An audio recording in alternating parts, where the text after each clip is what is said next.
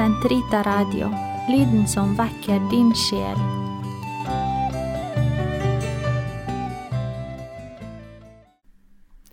Vi er nå kommet til 14. episode av Karmels hage, og programmet i dag heter Takk Gud under alle forhold. I forrige uke snakket jeg om den kristne gleden som vi må se etter og åpne opp for i våre liv.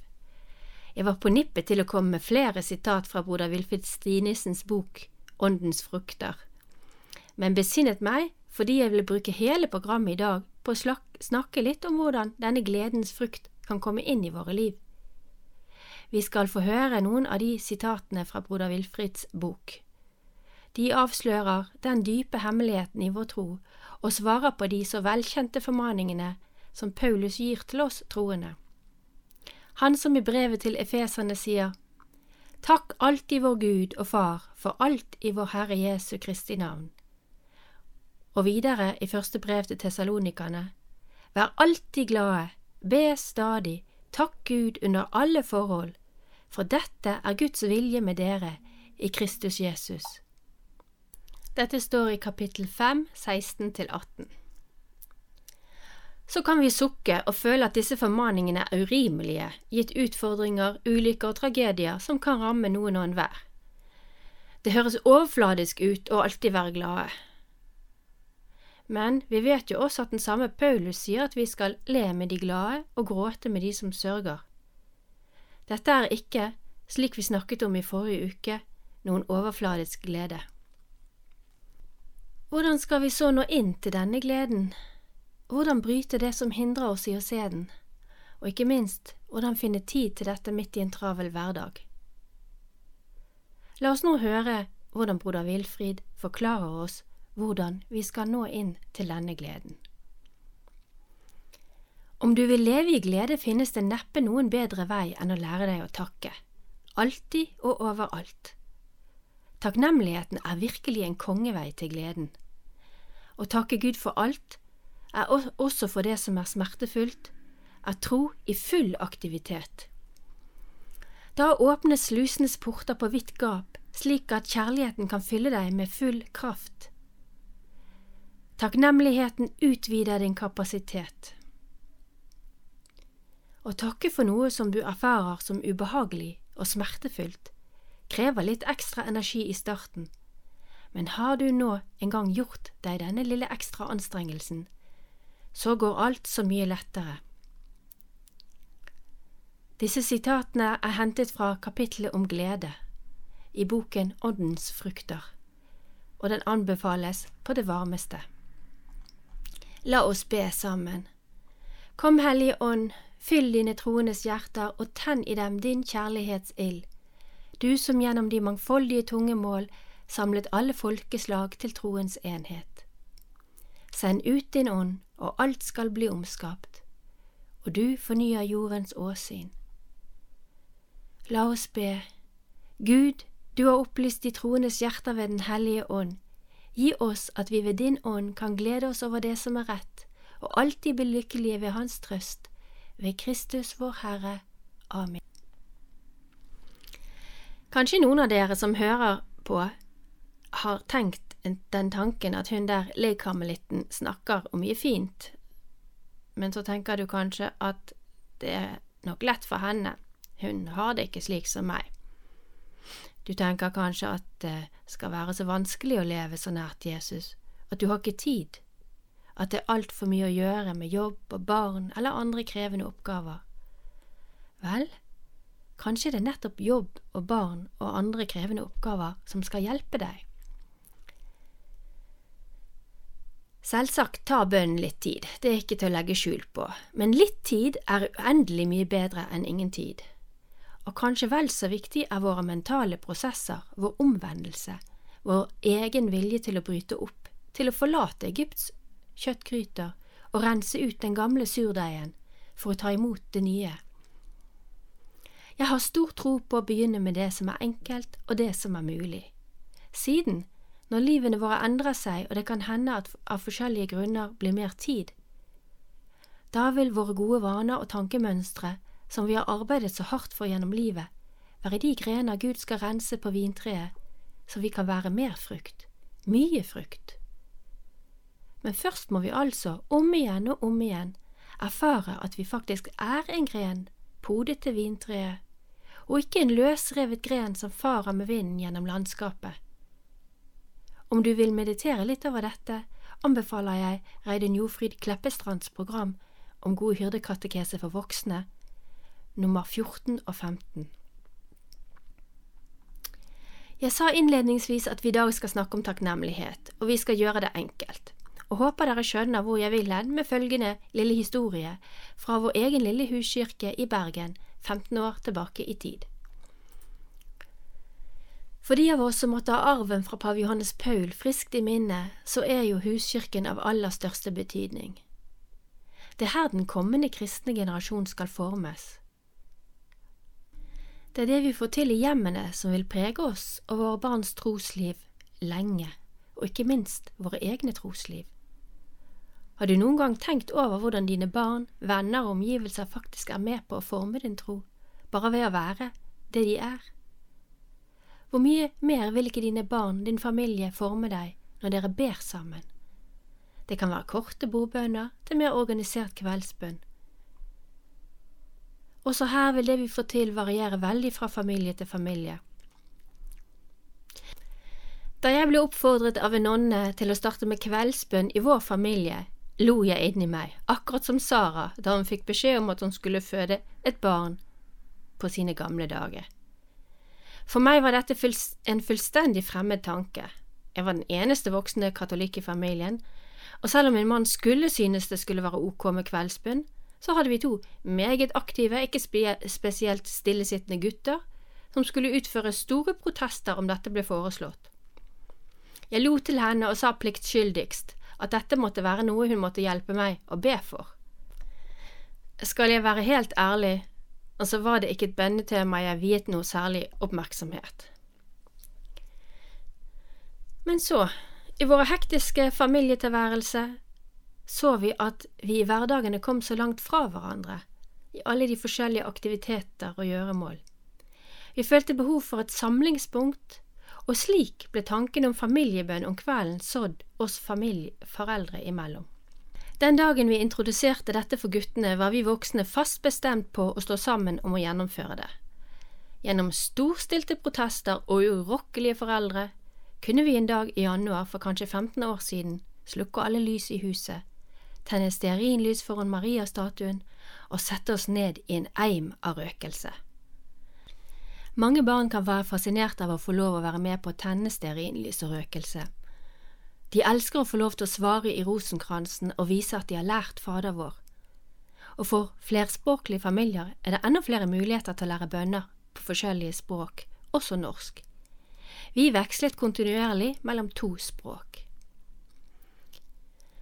For oss ble disse kveldsstundene utrolig viktige, selv om de noen ganger ble veldig korte, enten fordi det var sent, eller at TV-en hadde noe i hermetegn viktig å tilby. Noen ganger ba vi i reklamepausen mellom Dagsnytt og Sportsrevyen, andre ganger med en eller to gutter som sto på hodet i sofaen eller lå halvsovende i godstolen. Andre ganger ble det lengre kveldsbønner de, fordi at noen kom på noe de ville løfte frem fra dagen, eller fordi noen rundt oss hadde bedt om forbønn. En prest sa en gang til min eldste sønn at han måtte huske på å be for ham, fordi som han sa, Gud hører spesielt godt etter på barns bønner. Dette minnet vi barna på, hvor viktig de er i Guds rike og i forbønn for andre. Det er viktig at barna ber. Vi voksne skal og kan be for våre barn, men barna er også uvurderlige forbedere. Det kan vi la dem erfare. Av faste ingredienser gjorde vi det så kort som mulig. En Fader vår, en dekade i rosenkransen og så avsluttet vi med ære være og Fatima-bønnen. Siden fikk alle takke for minst tre ting de hadde med seg fra dagen. Noen ganger fantastiske ting, og på de mer mismodige dagene et mutt, takk for at jeg lever, takk for at jeg får mat, takk for at jeg har et hus å bo i. Nå er jeg, som dere skjønner, kommet frem til poenget med denne historien, takkingen, og hva vi kan lære om dette når vi ber med våre kjære. Livet er som vi alle vet, ikke en dans på roser, og stemningen er ikke alltid på topp når barn og voksne er trøtte på kveldstid. Men vi måtte alle i flere år hver eneste kveld takke for tre ting, enten vi følte for det eller ikke. Også en mor kan være nedstemt og mutt, ja sågar ganske ergerlig. Å takke slik sammen, enten vi føler for det eller ikke, gjør noe med oss. Det gjør at vi lærer å se på det halvtomme glasset, ikke som halvtomt, men som halvfullt. Det gjør at vi må se en ekstra gang på våre liv, trenge ned bakenfor mismodighet og negative tanker. Selv på dårlige dager har vi oseaner å takke for. Så er kanskje ikke det å takke for liv, trygghet og hus og mat noen bagatell. Kanskje er det nettopp på disse slitne dagene at vi kan se hva som virkelig teller, hva som virkelig betyr noe, og at vi uansett bølgene på vårt hav fremdeles har disse helt basale og så utrolig viktige gavene å takke for. For en person som meg, som har vokst opp i Norge, er jo disse tingene mer eller mindre en selvfølge, og kanskje glemmer vi derfor å takke for dem. Kanskje takker vi bare når ting går bra, det vil si etter vårt eget ønske og våre egne planer. Kanskje takker vi altfor ofte kun når vi har lyst, og kun når vi har fått noe som vårt ego har ønsket seg. For meg var det en stor omveltning å komme i kontakt med de indiske Mor Teresa-søstrene, som fortalte om takkebønnen i storfamilien på landsbygden i India. En av søstrene fortalte meg, hun var for øvrig en av ni barn. Vi takket for maten ved hvert eneste måltid. Vi hadde aldri sikkerhet for at det ble mat på bordet neste dag, og alle var så takknemlige når den sto på bordet. Hun hadde gått sulten til sengs mer enn én en gang. Hun visste å takke. Så når vi kompromissløst innfører takknemligheten i våre liv og familier, lærer vi sakte, men sikkert å følge Paulus' oppfordring Takk Gud under alle forhold. Hvor takknemlig er jeg ikke for å ha fått lov til å begynne på denne veien? Jeg skal ikke si så mye mer i dag om takknemlighet, den må vi øve selv hver for oss, men øv den hver dag, alene før du legger deg, sammen med andre, og er det ikke mulig med familiebønn, øv den med minstebarnet som fremdeles har noen, vil ha noen hos seg på rommet om kvelden.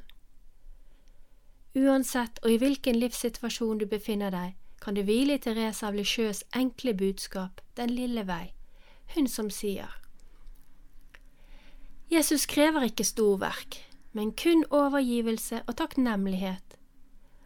Og derfor sier han i Salme 50, Jeg har ikke bruk for bukker fra deres buskap, for alle skogens dyr og de tusenvis av dyr som beiter på høydene, tilhører meg, og jeg kjenner alle fjellets fugler.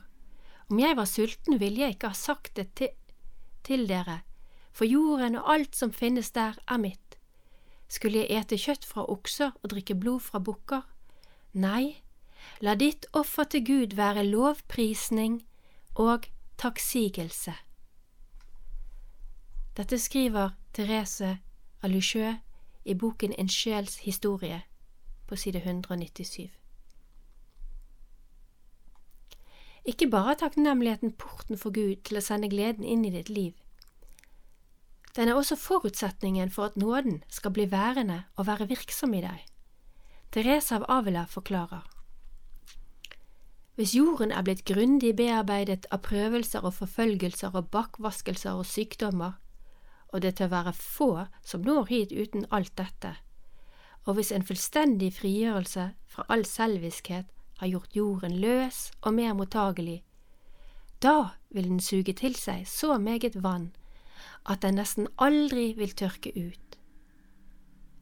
Men er den fremdeles preget av alt jordisk og dekket av torner, slik som min jord var det i begynnelsen? Med andre ord har sjelen ennå ikke gitt avkall på alle anledninger til synd, og står takknemligheten ikke i forhold til nåden, da vil jorden atter tørke ut. Så be da med salmisten om Guds nåde over ditt liv, juble inni deg av glede når du vet at alt du ber og lengter etter i Jesus Kristus, allerede er blitt deg til del. Istem igjen og igjen denne bønnen fra Davids angersalme, når han roper til Gud. La meg oppleve fryd og glede, la de lemmer du knuste, få juble.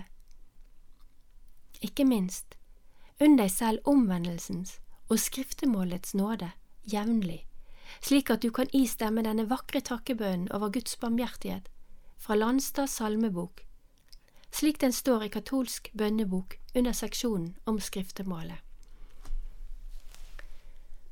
Av hele mitt hjerte takker jeg deg, himmelske Far, fordi du har latt gå ut i verden et ord om syndenes forlatelse, og gitt meg å høre det og tro det. Av hele mitt hjerte takker jeg deg, Herre Jesus Kristus, fordi du har hengitt ditt legeme og utdøst ditt blod for meg til mine synders forlatelse. Av hele mitt hjerte takker jeg deg, Herre Hellige Ånd, fordi du har lært meg å angre og bekjenne mine synder, og nå trøstet meg med denne salige trøst at alle mine synder er meg forlatt. Ja, salig er den hvis overtredelser er forlatt, hvis synd er tilgitt.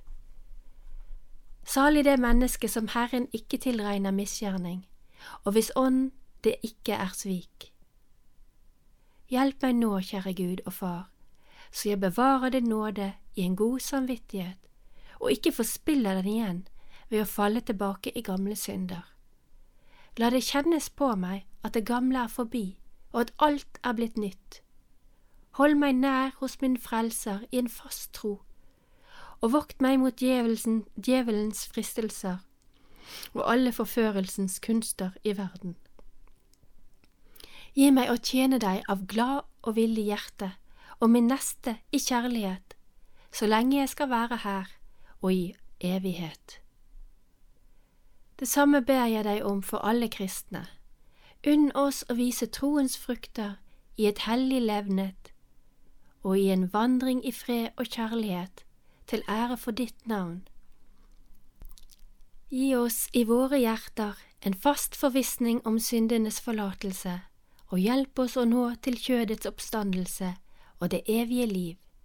Amen.